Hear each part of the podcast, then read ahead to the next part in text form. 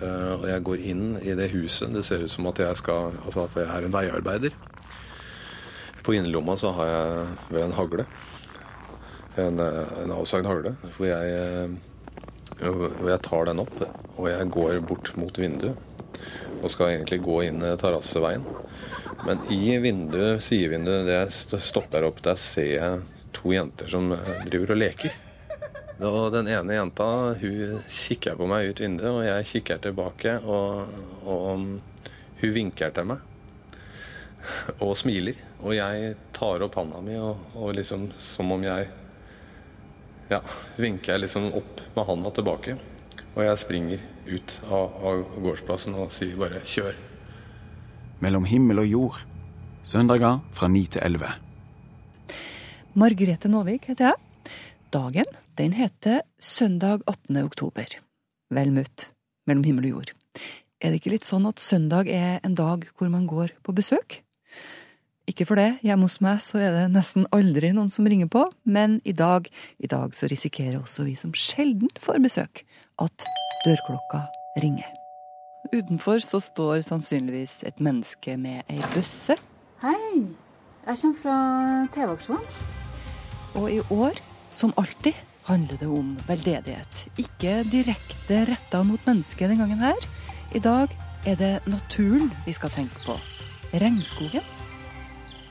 Midlene fra årets TV-aksjon skal eh, ta vare på et regnskogområde større enn hele Norge og Danmark til sammen. Det her eh, kommer sjølsagt også oss mennesker til gode. Uten naturen så er vi ikke særlig mye verdt, for å si det forsiktig. Så hvordan har vi fått for oss at naturen er noen ting vi kan legge under oss, og bruke og kaste? Den ideen den oppsto vel antageligvis da vi begynte med jordbruk for vel 10 000 år siden. fordi at da begynte mennesket for første gang å sortere mellom nyttige planter og unyttige planter, og mellom nyttige dyr. Altså dyr vi kunne ta og temme og bruke på forskjellige måter, og det som var unyttig. Mm, og så vi begynte å luke ugress, da, rett og slett? Ja, vi, da begynte vi å luke ugress, og vi begynte å kvitte oss med, med dyr som vi oppfatta som farlige eller skadelige i forhold til at vi var jordbrukere og, og, og drev med, med husdyrhold. Og med denne ideen om å legge naturen under seg, sier Kjell Kristensen, så kom de her ordene. Gud velsignet dem og sa til dem, Vær fruktbare og bli mange. Fyll jorden og legg den under dere. Dere skal råde over fiskene i havet, over fuglene under himmelen og over alle dyr som det kryr av på jorden. Og Gud sa, Se, jeg gir dere alle planter som setter frø, alle som finnes på hele jorden, og alle trær som bærer frukt med frø i. Det skal dere ha å spise. Og det ble slik. Gud så nå på alt det han hadde gjort, og se, det var svært godt. Det her er skapelsesberetningen fra Gamle testamentet, altså. Mennesket skal være sjef på jorda. Så Kjell han mener altså at kulturen kom først, og så de her ordene som rettferdiggjør handlingene mot naturen. Men er det sånn at kristendommen er en naturversting? Hvordan er det med andre religioner? Hvordan forholder de seg til naturen? Kjell, fortell. Ja, det skal jeg gjerne fortelle om, for jeg har jo bodd en del i Asia. Og vi hadde jo en, en veldig god venn der, en eldre herremann, som var overbevist buddhist. Og vi var og besøkte han en gang hjemme hos seg. Og da hadde han en svær varan i hagen, og, vi ble jo bekymra som vestlige mennesker over at han også hadde sine barnebarn der. For det er jo dyr som er litt uforutsigbare og alt mulig sånt. Men han, eh, han lot den være, han hadde ingen planer om å jage den bort, for eh, den hadde like mye rett til å være på jorda som han hadde. Det var hans filosofi. Så, så det er jo en veldig annerledes måte å, å tenke på enn en vi, vi er jo veldig sånn der innretta på fordeler og, og, hva som tjener oss, og hva som ikke tjener oss i vest. Så han hadde jo en veldig annerledes filosofi enn det, da. Og i fortellingene om Mohammed, som er en slags eh, retningslinje for muslimer, så finner vi også beskjeder om at dyr, akkurat som oss mennesker, er skapt av Gud. av det samme livsmaterialet. De er våre medskapninger, og medskapninger skal man behandle med barmhjertighet og vennlighet. Hør her, for eksempel. En mann som reiste langs veien, ble svært tørst. Han gikk ned til en brønn og drakk. Da han kom opp, så han en hund som gispet av tørst og slikket den fuktige jorden. Dette dyret lider like mye av tørst som meg, sa mannen. Han gikk ned til brønnen igjen og fylte skoen sin med vann. Han holdt skoen mellom tennene sine og klatret opp og ga hunden vannet. Gud ble så tilfreds med hans handling at han tilga ham alle hans synder.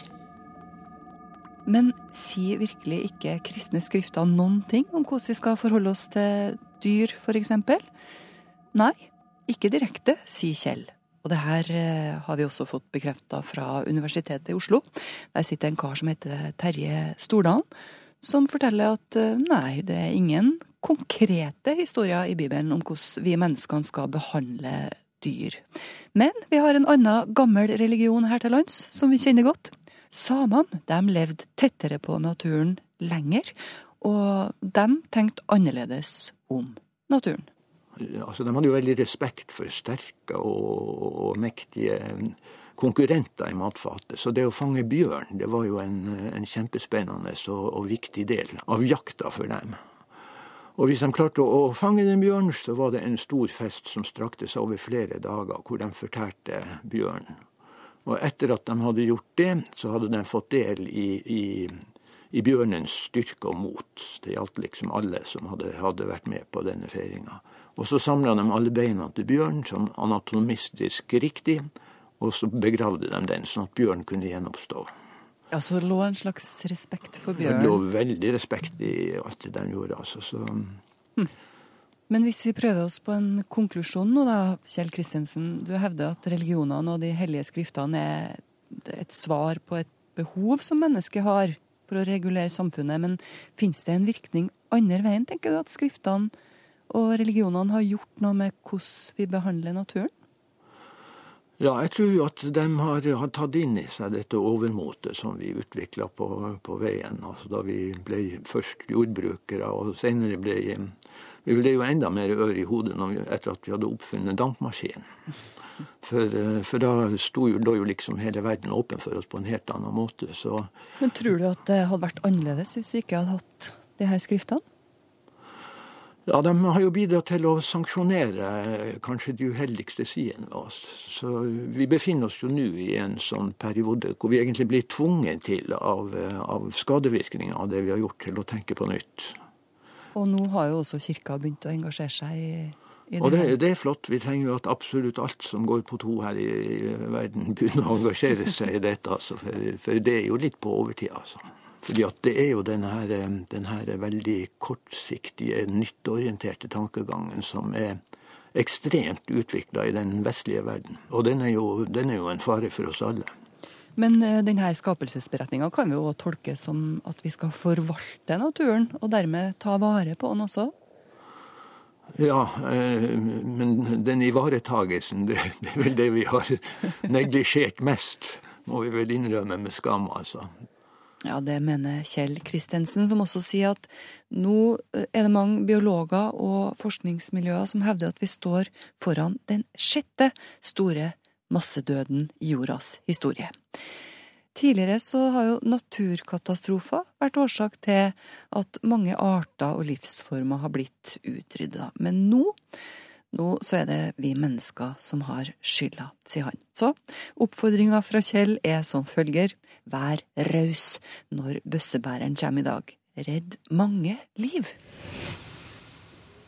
Jeg heter eh, Luana Carvel. Jeg kommer fra Arendal, og jeg er eh, nederlandsk. Eh, jeg har en artig historie å fortelle om godhet. Ja, få høre. Ehm, I dag er jeg på en eh, stor konferanse i Lillehammer med 850 deltakere. Mm. Og så da eh, var det slik at eh, jeg satt jo ved siden av en mann, som vi bare hilste på hverandre veldig kort. Og vi fulgte presentasjonen, og han gikk ut. Kom tilbake med en kopp kaffe i det ene håndet og et glass vann i det andre håndet. Og han spurte om jeg ville ha det, eh, det glass med vann. Som jeg syntes var så artig og så hyggelig. Ja, hvorfor gjorde det sånt inntrykk på deg at han kom med et glass vann til deg? Jeg ble sett. Jeg har blitt sett. Det var høflig. Og han tenkte på meg. Og det vil si, jeg blir sett, har blitt sett. Og så det, Jeg tenkte det må jeg gjøre neste gang også. Du sjøl? Jeg selv. Ja. Fordi det er så bare en liten ting gjør, eh, gjør en liten forskjell. Og det var godhet av som jeg opplevde i dag. Ja, Så det var veldig artig. Et lite glass vann altså kan gjøre så mye? Et lite glass vann gjorde veldig mye. Akkurat der og da. Ja. Du hører på Mellom himmel og jord i NRK P1. Det er lørdagskveld. Jeg har vært på tur i skogen som vanlig. Har rydda litt, spist middag og har akkurat fått fylt opp potetgullskåla. Alt er som det pleier å være i mitt A4-liv. Ingen store avvik. Nei, det er den gata her, altså på vei hjem fra byen. Altså at eh, jeg får tilbud for første gang om å gjøre noe, en, eh, en, en litt annen type jobb. Mellom en, alle krimdramaseriene på TV så dukker det opp en skurk fra virkeligheten. Gutten som hadde hatt en trøblete barndom, en far som slo, ble raskt en del av et hardt kriminelt miljø. Politiet pågrep i natt tre menn fra Arendal og tre menn fra Sandefjord, og siktet dem for drapet på 27 år gamle Sia Anwar i Arendal. Han var en farlig mann. Nå satser han mer på et liv som ligner på mitt. Et liv som samboer, som pappa, med taco på fredager og plenklipp på lørdager. Og medfølelse for andre mennesker. Naboen, f.eks. Men denne medfølelsen den har ikke vært der hele tida. Et eller annet sted på veien så mista han den. Hvordan gikk det for seg at den forsvant? Og når kom den tilbake? Hei. Hei! Det er Margrethe Nåvik som ringer. Det her har jeg lyst til å høre mer om. Får du til å prate nå, eller? Ja, det er veldig kort, da. For nå er det Nå ble jeg veldig opptatt igjen. Og det er det visst flere som har. Trond Einar Frednes han har skrevet bok sammen med Jørn Lier Horst. Har jeg muligheter for å ringe når vi er ferdig med det showet, eller? Det er litt fram og tilbake før jeg får audiens. Ja, kjempefint, det. Ja. ja, greit. Han forteller om et liv med gullsmykker og boblebad, kvinnfolk og glamour. Og faenskap. Eh, Jeg ble ringt etter, og jeg ble, eh, og jeg ble spurt om jeg kunne ta med noe mat. Eh, Fordi at han, kompisen min han hadde noe å vise meg. Og jeg kommer opp der med to kebaber i handa og, og ser det at der ligger en mann bindt eh, eh, fast. eh, Altså ligger ute på kjøkkenet der.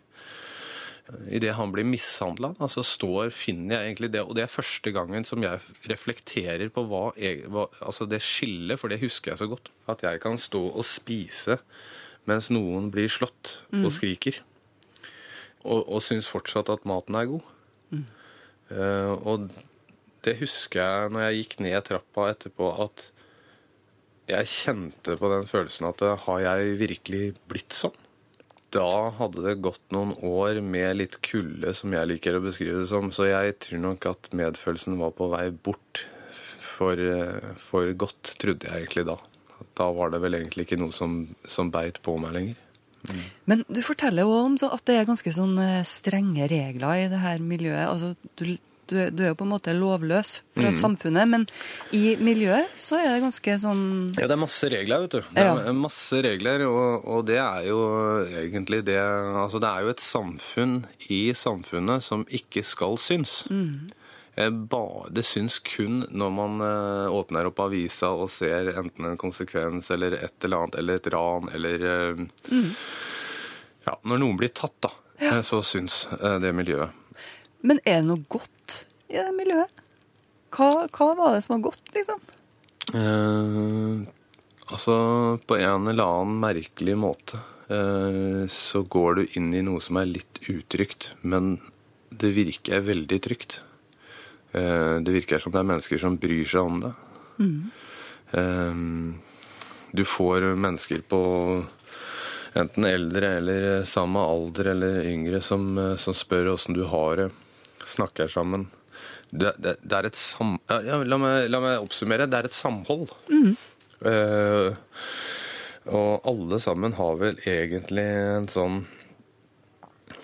fellesgreie ved at eh, samfunnet er vel egentlig litt sånn Der passa vi ikke inn. Og det skal vise seg at det er en liten rest av medfølelse i Trond Einar. Det fins ei grense for hva han kan gjøre. Vi går eh, om lag 15 år tilbake. Man har fått i oppdrag å gå inn i et hus og gi en advarsel, eller for å si det som det er, skad en mann. Jeg, hadde kledd meg om til en vanlig arbeidsmann. Eh, og fått på meg en finlandshette. Eh, det var snø ute, så vi hadde skum på, på skiltene på bilen. Og eh, jeg er på vei bortover, og jeg går inn i det huset. Det ser ut som at jeg, skal, altså at jeg er en veiarbeider. Eh, jeg går opp mot døra og kikker litt. Jeg ser at den er låst. På innerlomma så har jeg ved en hagle. En, eh, en avsagd hagle. Hvor jeg, eh, hvor jeg tar den opp, og jeg går bort mot vinduet. Og skal egentlig gå inn terrasseveien. Men i vinduet, sidevinduet det jeg stopper opp, der ser jeg to jenter som eh, driver og leker. Og jeg kjenner med en gang der at dette her er ufyselig. Og jeg kjenner at dette her er ikke meg. Der er ikke jeg. Og den ene jenta hun kikker på meg ut vinduet, og jeg kikker tilbake. Og, og hun vinker til meg og smiler. Og jeg tar opp handa mi og, og liksom som om jeg Ja, vinker jeg liksom opp med handa tilbake.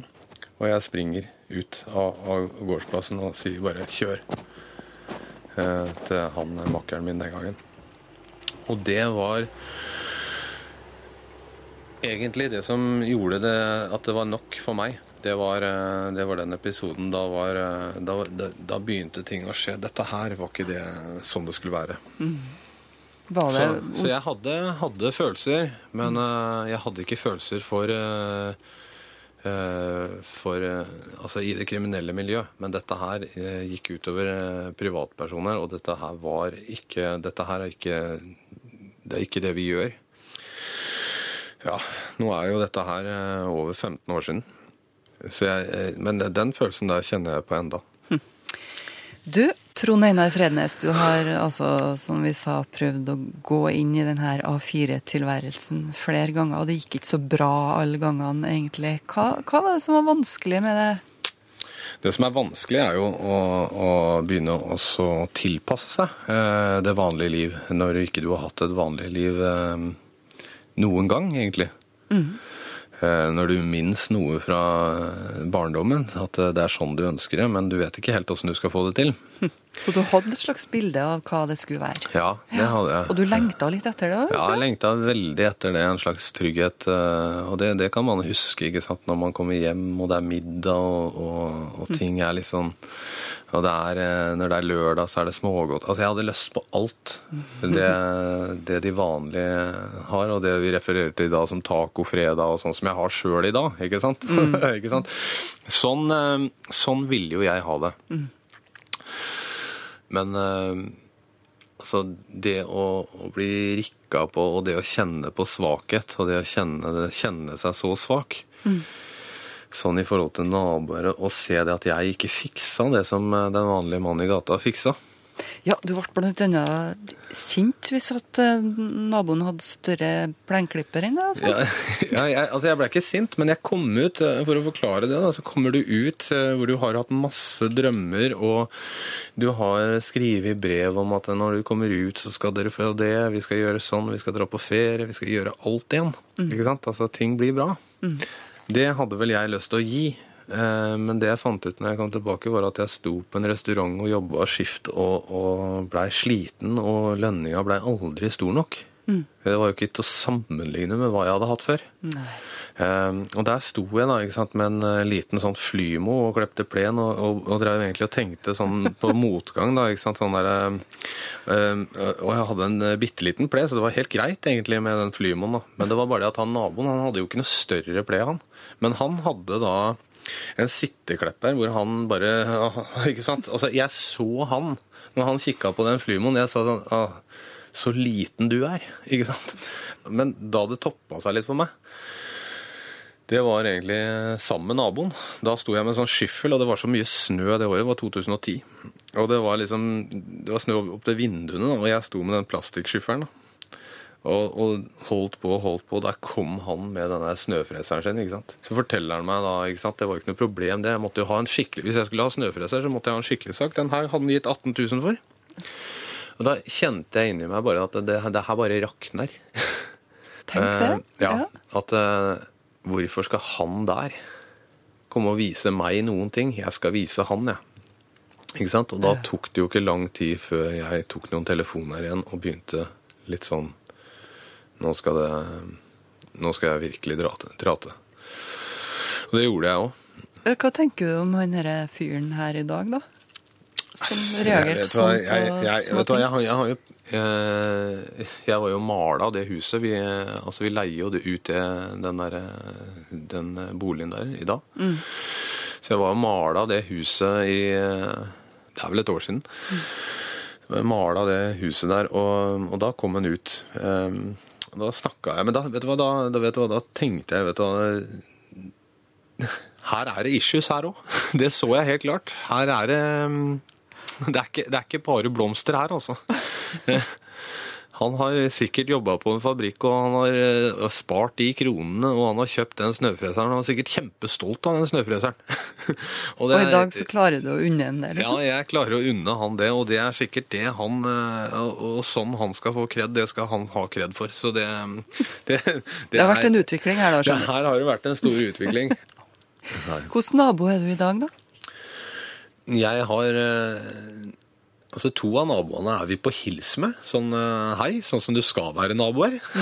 Men en av Og så har jeg et nabolag som er eh, Altså, det er eh, et litt sånt uh, nyetablert nabolag, men jeg har noen litt eldre mennesker Mm. uh, som bor rett over meg.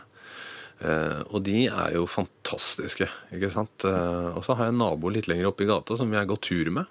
Eh, og noen venner rundt omkring der. Så jeg har jo jeg har det veldig greit med naboene. På hils med alle sammen. Eh, og vi har unger i gården hele tida.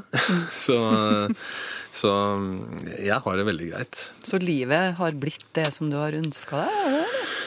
Ja, jeg skulle jo gjerne hatt mer orden da, eh, i ting. Eh, jeg skulle gjerne ønska det at eh, det var alltid, alltid ryddig når jeg kom hjem og Men du, dere kjenner vi igjen alle sammen, altså. Ja, ja. Men, men, men jeg føler liksom at det, hvis det er hverdagsproblemene mine, da, så er det sånn som alle andre har det. Mm. Eh, og når samtalen min eh, Jeg kjenner det at jeg kommer i barnehagen og snakker om gummistøvler som forsvinner, og, og, og tegninger overalt, og ja, ikke sant? søling i sofaen og det ene med det andre, og alle bruker altfor mye håndklær. Og da, da kjenner jeg det at eh, det andre begynner å bli veldig fjernt. Men eh, tilbake til dette med hva et menneske er verdt. Hva tenker du om dem du gjorde skade på i dag? Ja, det har jeg hatt eh, Jeg har gått veldig mange runder med meg sjæl. og så har jeg, jeg har på en måte prøvd også å trøste meg med at um, Men de valgte det livet, de òg. Ikke sant? Eh, Det er heldigvis ikke sånn at dette her er han mannen i gata som gikk på jobb hver dag og skulle hjem til barna sine. Det er ikke sånn. Det unnskylder jo ingenting, for alt er jo helt eh, Altså, de valgte, og de valgte helt feil. Samtidig, det gjorde jeg òg. Det eneste som er forskjellen her nå, det er egentlig det at det er jeg som kan sitte og prate og advare mot dette livet her igjen. Vi snakker altså med en mann som har klart å komme seg ut av et liv med mye faenskap, det kriminelle miljøet i Vestfold. Trond Einar Frednes, det her eh, er det jo ikke alle som greier. Du har sagt at eh, Jeg skjønner at eh, det er ei dame som har stått ganske støtt. Hun har stått på. Ja. Uh, hun har ikke vært noe sånn at dette her når du kommer ut skal du være kjæresten min og, og sånne ting, men hun har i hvert fall vært en uh, fantastisk støtte Mm -hmm. uh, langs veien. Hun har hatt sine ting og, og måtte jobbe mot altså, det å være kanskje hun som var sammen med han, mm. hun som har barn med han, og blir stigmatisert av veldig mange mennesker. Så jeg, eh, jeg kjenner jo det at eh, hun har tatt imot veldig mye urettferdig kritikk. Mm. Samtidig så kan jeg godt forstå at mennesker sier Hei, Du må gå fra han. Og hun gikk jo Ja, hun har, hun har jo gått. Hun, det er jo det hun har gjort. Men jeg tenker mange ganger sånn her, så har vi hørt sånn at eh, Vet du hva, du, altså selv om altså, det, er greit å gå fra, men, men det, er lov å, det er lov å si at eh, Er det noe jeg kan gjøre?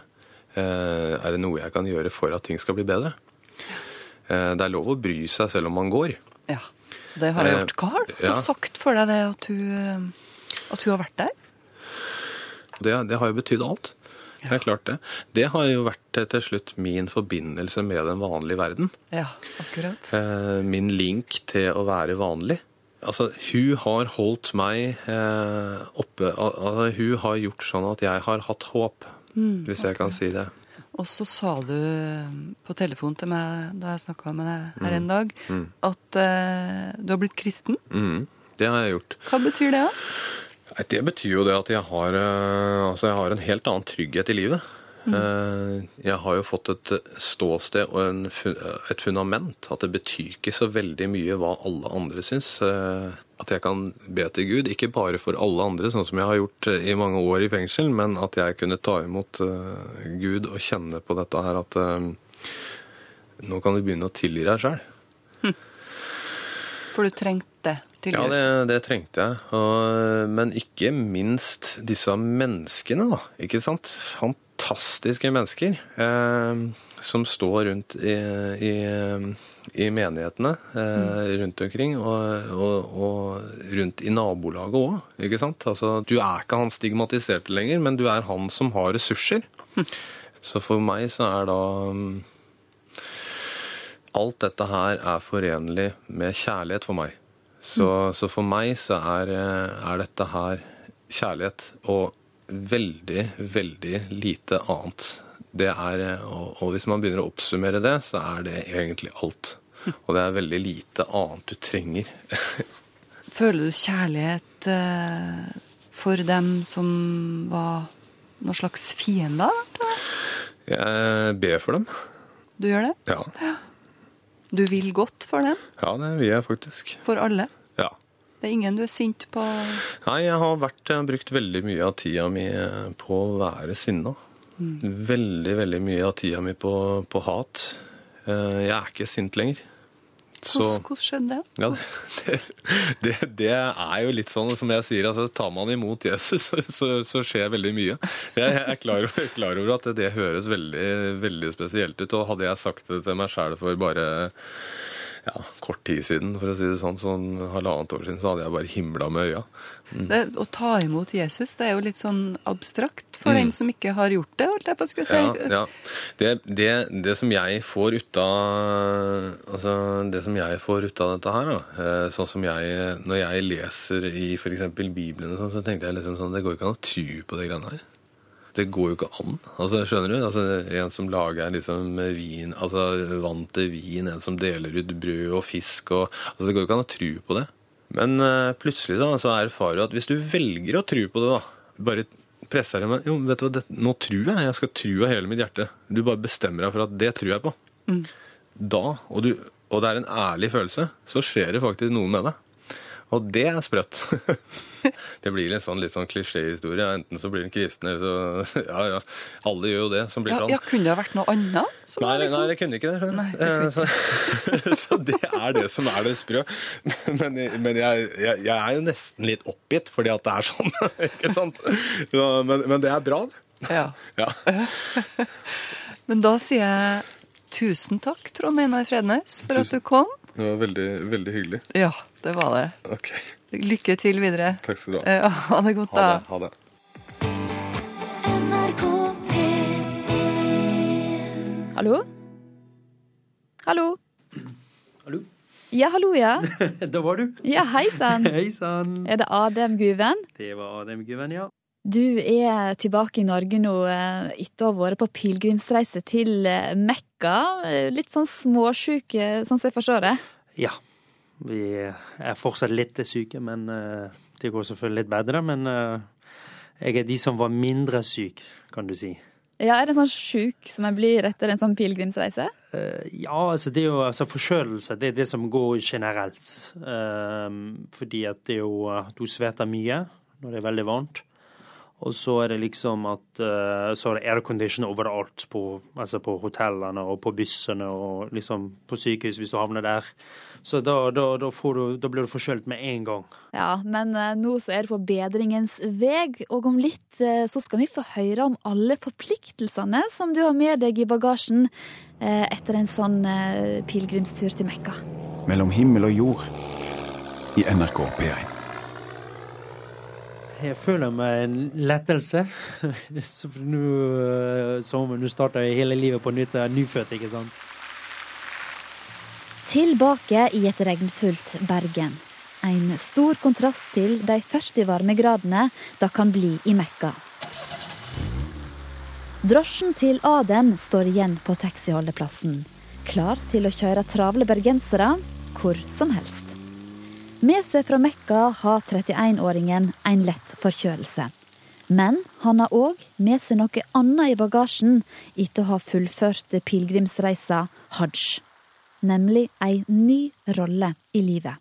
Du må være et forbilde. Det må du uh, for muslimene. For de vil se deg som et forbilde. De vil se at ok, han er en haji, og da betyr det at, liksom, at du er forbilde. Og da, da må du passe ekstra, ekstra på hva du gjør.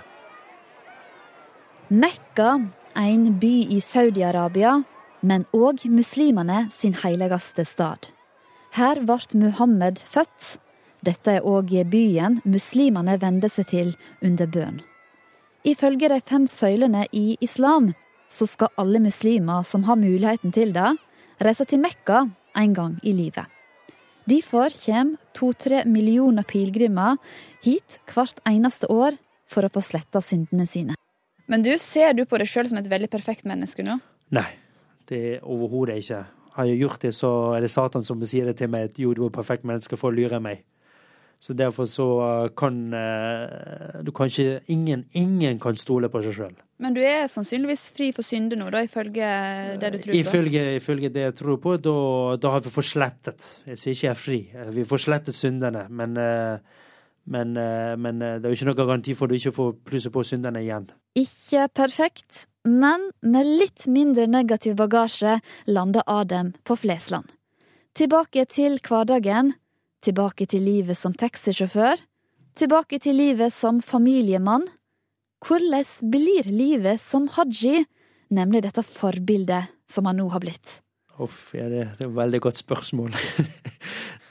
det blir kanskje litt vanskeligere fremover, for nå må du skikkelig passe på. Eh, masse ting en, en haji må liksom eh, ta hensyn til. Ja, hva da? Og, og det er jo liksom at eh, hvis han en gang i livet kan vi si at han har lyget, han har stjålet eller han har eh, luret folk eh, det kan jo være masse forskjellig, f.eks. For hvis vi nå skal ta mitt eksempel som et drosjesjåfør. At noen kanskje har luret med takstene, ikke sant. De kjører på en helt annen takst, hvis vi bare skal gi et eksempel. Og, og sånne ting må en haji han må aldeles ikke Hvis han gjør det, så er hajien hans slett ikke godkjent. Så det, det, er bevis på at den er ikke godkjent hvis du ikke har forandret deg i hele tatt. For eksempel et eksempel. Det er ikke tegn på at jeg gjør det for før, men uh, bare for å gi et eksempel, selvfølgelig. Ja, men det var et godt så, eksempel. Uh, og du må aldeles ikke lyge. Det er en av de viktigste. Du må være en av de man kan stole på aller mest. Uh, du må ta vare på medmenneskene dine, som du selvfølgelig Men alle disse tingene bør du gjøre også, selv om du ikke er haji. Men når du er haji, så er det en helt annet eh, Da vil alle se deg som liksom en forbilde av muslimene på en måte. Du er, ikke, du er ikke i samme grad som en imam, men du er i hvert fall en som er troverdig, og det, det må du holde på. Mm. Hvordan skal du ta vare på, eh, på det du har fått nå, da? Nei, eh, altså selvfølgelig, jeg må jo jobbe meg sjøl. Jeg må liksom kan du si, slåss for meg sjøl, min indre altså lyster, som jeg kaller det. fordi at lystene de, vil jo, de har jo lyst på alt. Mm, ja, Men hva så skjer hvis du plutselig da drar ei hvit løgn en gang? Ja, og hvis du drar en hvit løgn som har uh, Som uh, andre får vondt av, selvfølgelig. Uh, eller hvis det Altså, det er jo Det er jo spørsmål hva løgn, hvilken løgn det er. Altså, du kan jo si en liten hvit løgn til ungene dine vedrørende noe annet som ikke har noe betydning i hele tatt. Det er jo noe annet, men du lyver mot voksne folk, det er en helt annen sak. Ja, Hvis du plutselig synder en gang, da, hva, hva skjer da? Nei, da uh, selvfølgelig be om tilgivelse, og Gud er jo den mest barmhjertige, ikke sant. Mm. Uh, men altså, det er jo ikke en lek heller. Nei. Det er ikke sånn du bare kan gjøre en synd, og så reiser du til meg og får slette, og så kommer du tilbake og gjør samme. Da, det, igjen, ikke sant, hvilke holdninger har du? Altså, Gud vet, vet jo best, ikke sant. Han vet jo hvordan du er, og om du så reiser til hajj tusen ganger, og du ikke forandrer deg, ikke sant så er det noe galt med det. Så må du liksom ta det sjøl i mm. nakken. Men du, kan det òg eh, være ei belastning å ha vært på pilegrimstur til Mekka, med tanke på alle forventningene folk eh, har til deg nå? Ja, altså det Hvis du kommer i en ung alder, så kan det kanskje bli en belastning. Men eh, som sagt, hvis du kommer i en eldre alder, så er det jo ikke så mye igjen. Liksom, da har du liksom opplevd det meste. Det du nå har gjort, gjør du det for deg sjøl eller for Gud? Det som er gjort nå, det er jo det første fordi Gud har sagt at de muslimene som får muligheten, de må gjøre det. Det er én ting. Og så den andre tingen det er jo for meg sjøl også. fordi jeg vil jo gjerne være der hvor profetene har vært. Jeg vil jo gjerne se Guds hus. Men det som skjer da etter en sånn pilegrimstur, er at uh, du har jo en god del ting som du uh, skal gjøre. Du skal jo være ærlig mot mennesker, du skal ikke lyge, du skal ikke stjele. Du har en sånn del ting du må følge heretter. Mm. Hvem er det du gjør det for? Uh, dette er selvfølgelig for meg sjøl. Altså det er jo, uh, for det første så får du en veldig bra samvittighet, fordi at du har ikke noe å skjule i hele tatt. Den lærer oss opp mm. om hvordan du kan være et bra menneske. Og det er jo en av disse tingene som hjelper deg videre i livet ditt, kan du si. Hvis jeg oppfører meg som en ordentlig menneske, så vil min nabo, så vil mine medmenneskene også få en bra nabo som man kan stole på. Alle vil få gavn av det. Og tenk på hvis alle mennesker var sånn som vi sier nå, ikke sant. Hvordan hadde verden blitt? En mye bedre verden. Mye, mye bedre verden. Adem Guven, som opprinnelig er fra Tyrkia, han er en av de norske muslimene som reiste på pilegrimsreise til Mekka nå i høst. Camilla Kjønn Tingvoll har laga denne reportasjen. NRK P1 Mellom eh, høye fjell ligger Hemsedal, skibygda. Her bor 2400 mennesker, og kommunen er kjent for sin gjestfrihet innbyggertallet mangedobler seg når skisesongen starter. Men i år så har Hemsedal fått andre gjester. Nå er hver femte av kommunens innbyggere en flyktning. Norske kommuner har vedtatt å bosette nesten 10 500 flyktninger, og er nær ved å nå regjeringens mål for i år. Fremskrittspartiet med parlamentarisk leder Harald T. Nesvik i spissen sa i vår bastant nei til avtalen som Stortinget vedtok, å ta imot 8000 syriske flyktninger over tre år.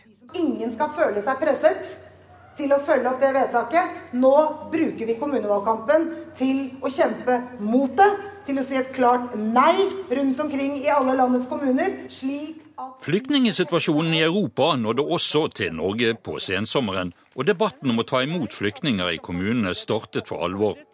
Noen kommuner åpnet seg og inviterte flyktninger inn. En av disse er Hemsedal kommune i Buskerud fylke, mest kjent for sine alpinbakker og sin natur. Der 550 meter over havet opprettet de fire nye mottak til vel 600 flyktninger. På kommunehuset tar ordfører Oddbjørn Grøthe imot. Hei. Takk for du, at du kunne komme på så kort varsel. Jan Takk for det.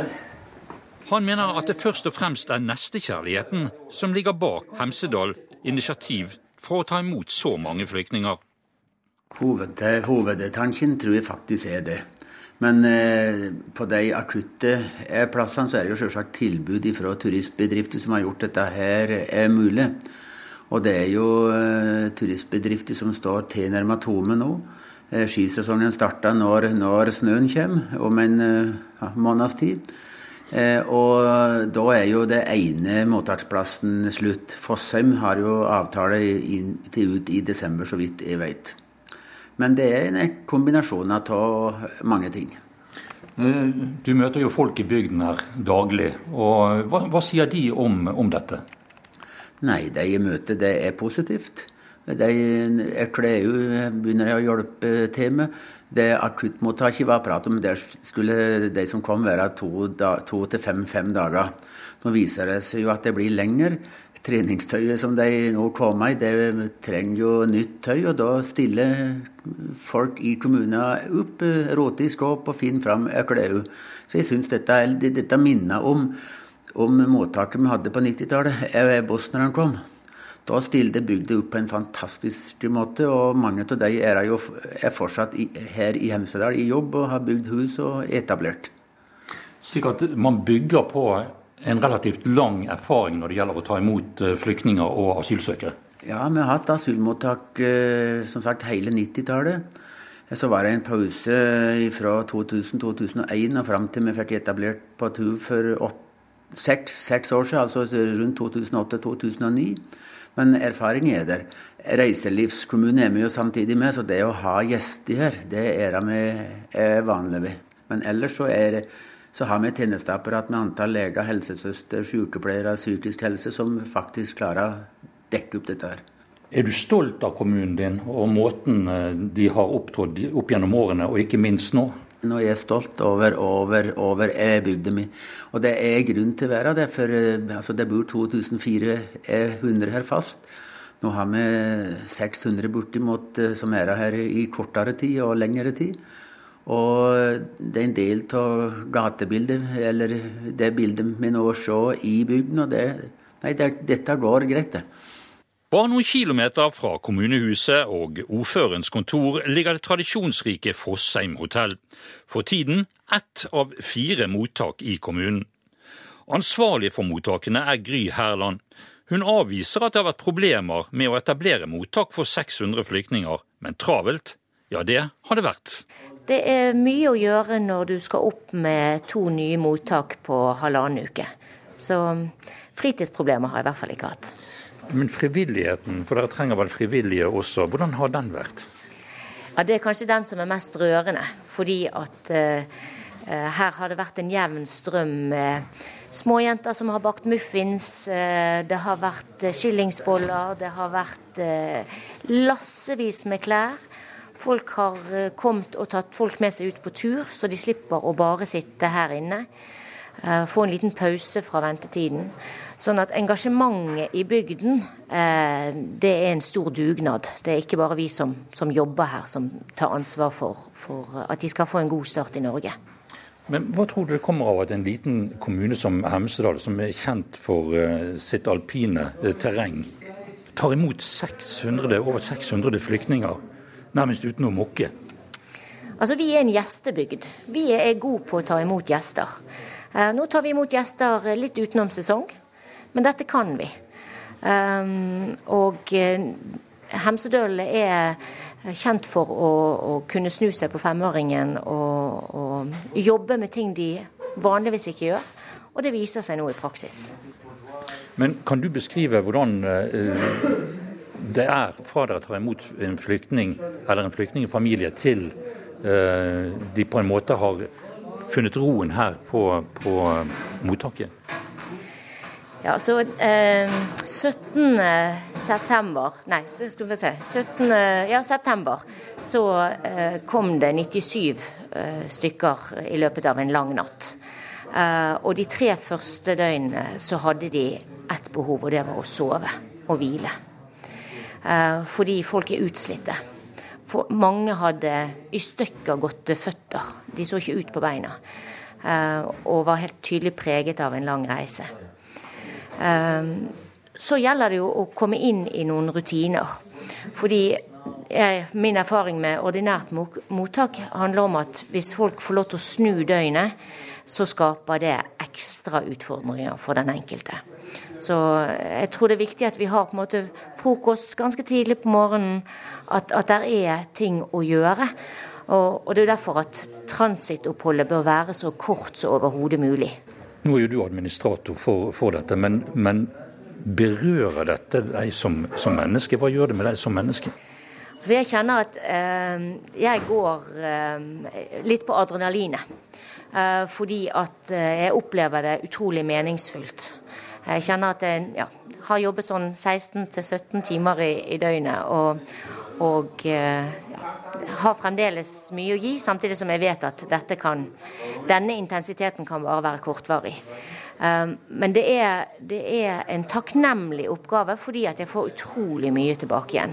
Uh, folk er så takknemlige for å ha kommet hit, for å få oppleve trygghet og bli ivaretatt. Og så, så er jeg nok litt sånn strenge tante Sofie òg, som, som, setter krav til hvordan folk skal oppføre seg. Men Har du mot, møtt noen motforestillinger når du har beveget deg rundt i, i, i bygden? Nei, jeg har ikke hørt noen eh, motforestillinger. Jeg har fått eh, veldig mange klapp på skulderen og, og folk som heier på, på, oss. Dette er i stor grad et, eller i all grad et, et et lagarbeid for å få det til. Um, jeg vet at det er uh, enkelte grupperinger som, som ikke ønsker dette velkommen. Um, men det legger jeg ikke fokus på. Jeg legger ikke tankekraften min dit. Jeg tar med meg alle gode hjelpere i dalen, og så får vi til dette her. Ja, til slutt hørte vi mottaksleder Gry Hærland. Det var kollega Jan Rye Ravnestad som besøkte Hemsedal. Husker du hippiebevegelsen? 68-generasjonen med peace and love, sex, drugs and rock and roll ja, Hvis du er for ung, så har du kanskje hørt foreldrene dine, eller kanskje til og med besteforeldrene, fortelle om det her ungdomsopprøret. Det var altså en protestbevegelse mot den materialistiske livsstilen på 70-tallet. I USA, og etter hvert i Norge også, så vokste det fram en kristen ungdomskultur med røtter i denne hippiebevegelsen. Forskjellen var at uh, kristenhippiene holdt seg unna fri sex og narkotika.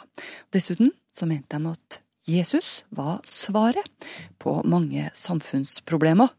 Vi har møtt en av frontfigurene for Jesus-troppene på 70-tallet.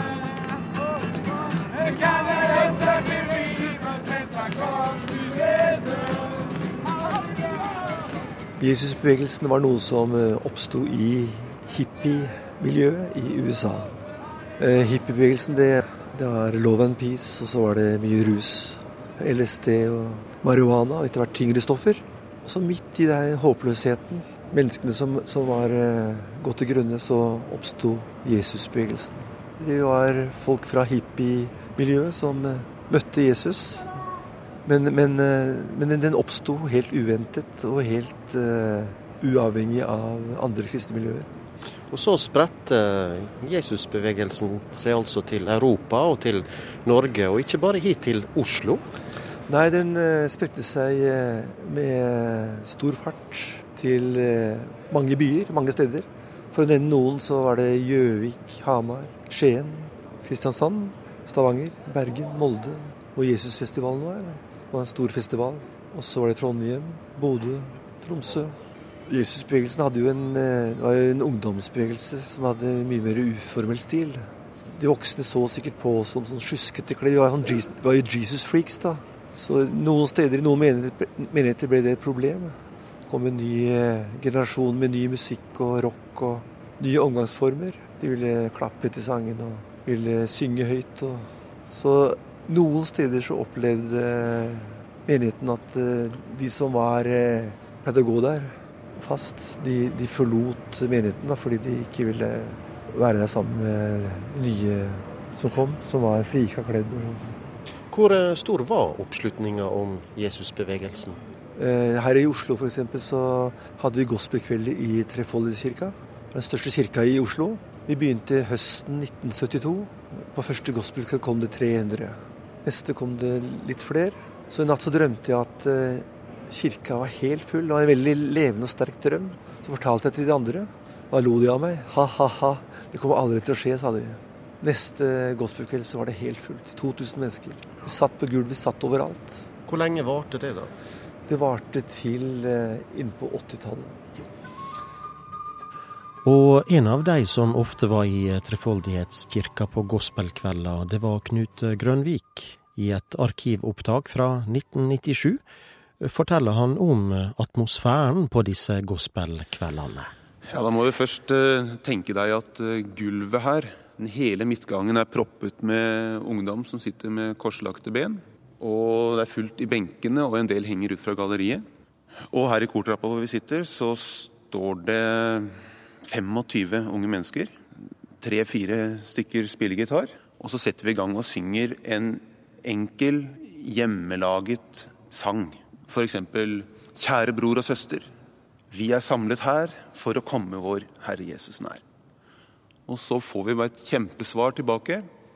Voldsom iver i forsamlingen som synger med. For meg så har Jesusbevegelsen betydd at den holder liv i troen min. Det er en, en sånn glo inni meg som er der hele tiden, uansett hva som skjer. Hva slags glo er det? Kjenne Guds nærvær. Jeg, jeg er en sånn visshet om at, jeg er, at Gud er glad i meg, og at uh, Jesus vil ha noe med meg å gjøre. At selv i all min elendighet så, så er det håp for meg. Men ikke alle hadde like gode erfaringer med Jesusbevegelsen som Hans Erik Skei. Ei av dem er Elisabeth Bakken. Hun var konfirmant da hun kom med i Jesusvekkelsen tidlig på 1970-tallet. Her forteller hun i et arkivopptak fra 1997. For min del så må jeg nok si at den tida, sånn som jeg ser det nå, var preget av dårlig samvittighet. Aldri stekke til. Det var en del normer som ble lagt i forhold til hvor lang tid man skulle ha stilletime, man skulle be så og så mye, du skulle synge så og så mye. Altså Du skulle på en måte være med i en del aktiviteter også som eh, Ja, for, for, min del så blei det Jeg var vel etter hvert med veldig mye for det de andre var med. Hva har Jesusbevegelsen ført til for ettertida her i Norge? Først og fremst har den påvirka mange enkeltmennesker. Og så har den påvirket møteformene, omgangsformene i kirka. Ny musikk kom, rocken kom. Og så tror jeg det påvirket en del mennesker å, til å tenke litt alternativt om livsstil. Og det tror jeg kommer til å komme tilbake i nåtid. Fordi eh, nå har vi blitt så velfødde og så rike at eh, Og folk har oppdaget at eh, vi blir ikke noe mer lykkelige av det. Så jeg, jeg tror at det kan komme en generasjon nå som eh, protesterer mot eh, vår livsstil igjen, da. Vi fra bevegelsen som ble rike og mette. Hans Erik Skei, populært kalt Hess, var en av frontfigurene i Jesusbevegelsen. Og nå i oktober så kommer det ut ei bok om de norske kristenhippiene på 70-tallet. Vår reporter Kjetil Lillesæter, født i 1967. Han eh, var jo for ung til å delta i det her hippieopprøret, men eh, kommer nok til å fortelle denne historien i Mellom himmel og jord. Hei, jeg heter Arnfinn Christensen. Jeg er forskningsjournalist. Jeg står foran Vitenskapsmuseet her i Trondheim. Og snart skal jeg gå inn og snakke mer om alle de digitale sporene vi etterlater oss på nettet. Og hva de gjør med oss. Og kanskje er det ikke så farlig med alle disse sporene likevel. Ja, nå står vi ved Kulistein på Vitenskapsmuseet i Trondheim. Den her eh, kalles gjerne Norges dåpsattest. Den er vel en sånn ja, to meter høy, kanskje. Mm. Reist etter Ulf Raude, står det. Mm. Han ville gjerne bli husket. Ja, i hvert fall den som satte opp steinen, ville ja. at den skulle bli huska. Og det står det òg. Steinen er reist av Tore og Halvard tolv vintre hadde kristendommen vært i Norge, står det på han. Og dermed da, så lever Tore og Halvard videre i vår bevissthet. Ja. Vi som har sett den steinen, i hvert fall. Har han noe imot det, tror du? Nei, jeg tror ikke. Jeg tror kanskje det var hensikten. Jeg tror han hadde vært litt stolt hvis han hadde fått vite at han sto på museum nå. Iallfall statuen hans, eller eh, steinen ja. hans. Altså ca. 1000 år senere. Ja, ja. Arnfinn Christensen, det var vel kanskje frykten for å bli glemt som var mer dominerende før? Men eh, det vi skal snakke om i dag, er frykten for ikke å bli glemt.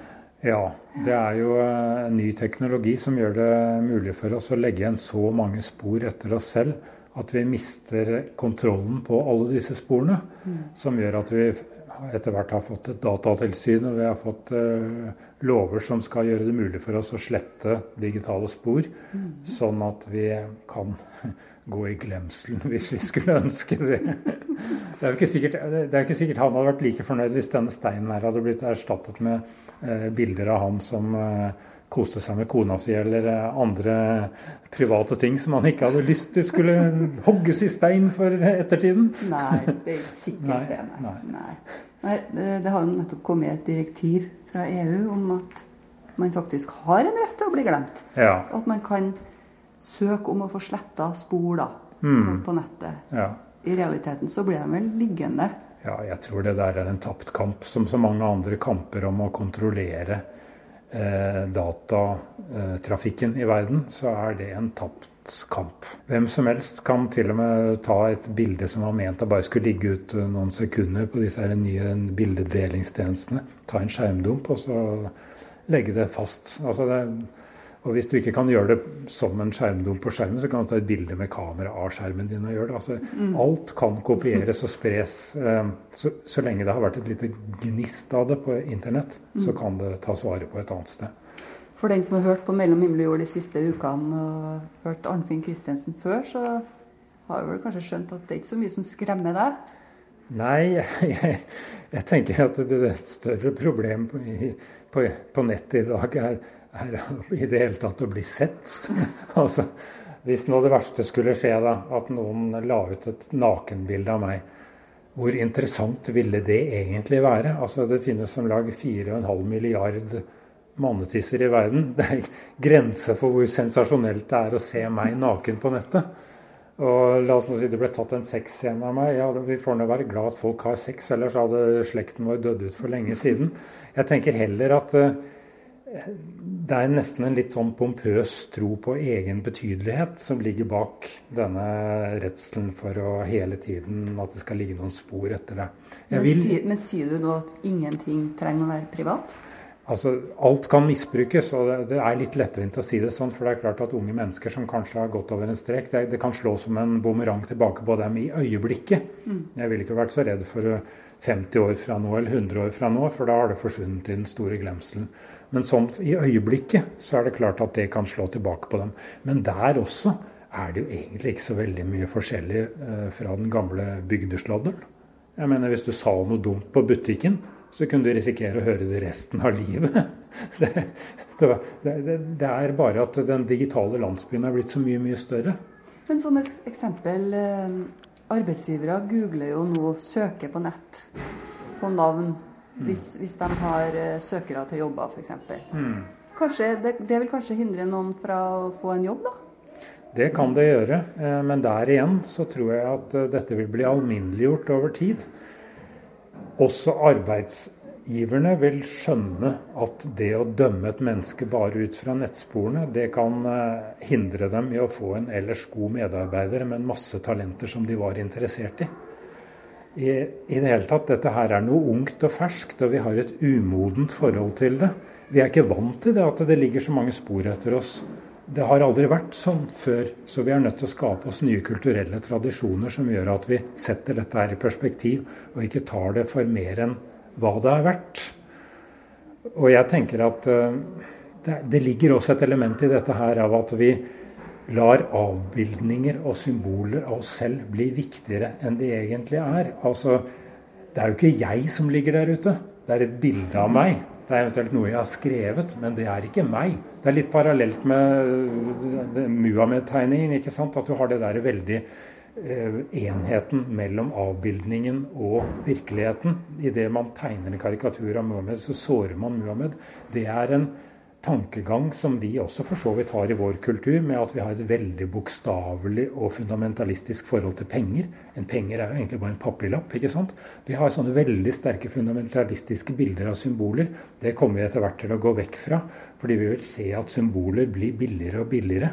Eh, og de vil bli mer og mer spredd. Og vi kan ikke drive og tviholde på hvert eneste lille spor vi sprer. Det blir umulig. Så du tenker dette kommer vi til å få en avslappa holdning til, og det blir en del av hverdagen, og ingen det. bryr seg? Og så er det jo også det da, at jeg har noen 15 eh, år gamle disker med for meg veldig verdifulle data som jeg ikke får spilt av lenger, fordi dataformatet er uleselig. Det kan jo være en trøst for alle de som vil bli glemt der, at de kommer til å ligge på en eller annen harddisk som er umulig å få lest av.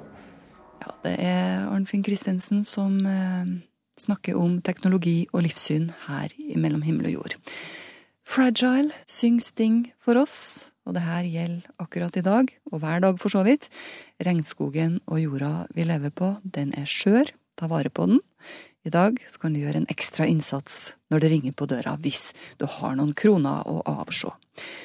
Har du også en beskjed til oss, så er adressen her. Himmel og jord, krøllalfa, nrk.no. Vi er å finne på Facebook også, på NRK Livet. Margrethe Nåvik heter jeg, som ønsker deg en riktig god søndag med NRK Radio, for eksempel. Hør flere podkaster på nrk.no podkast.